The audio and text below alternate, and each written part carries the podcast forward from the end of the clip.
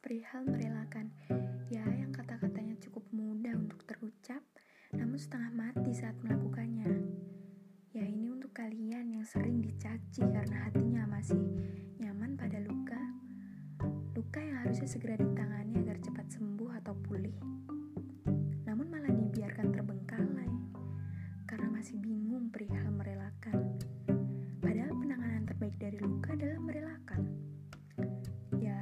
Segala kejadian kelam untuk menjadi pembelajaran hati agar nanti tidak terulang kembali. Saya percaya masing-masing individu pasti pandai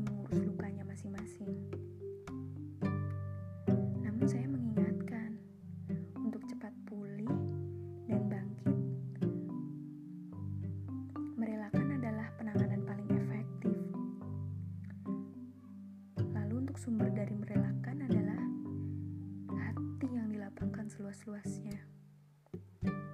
Semoga suara saya ini mampu terdengar oleh kalian yang masih bingung perihal bagaimana caranya merelakan. Sampai jumpa di podcast selanjutnya.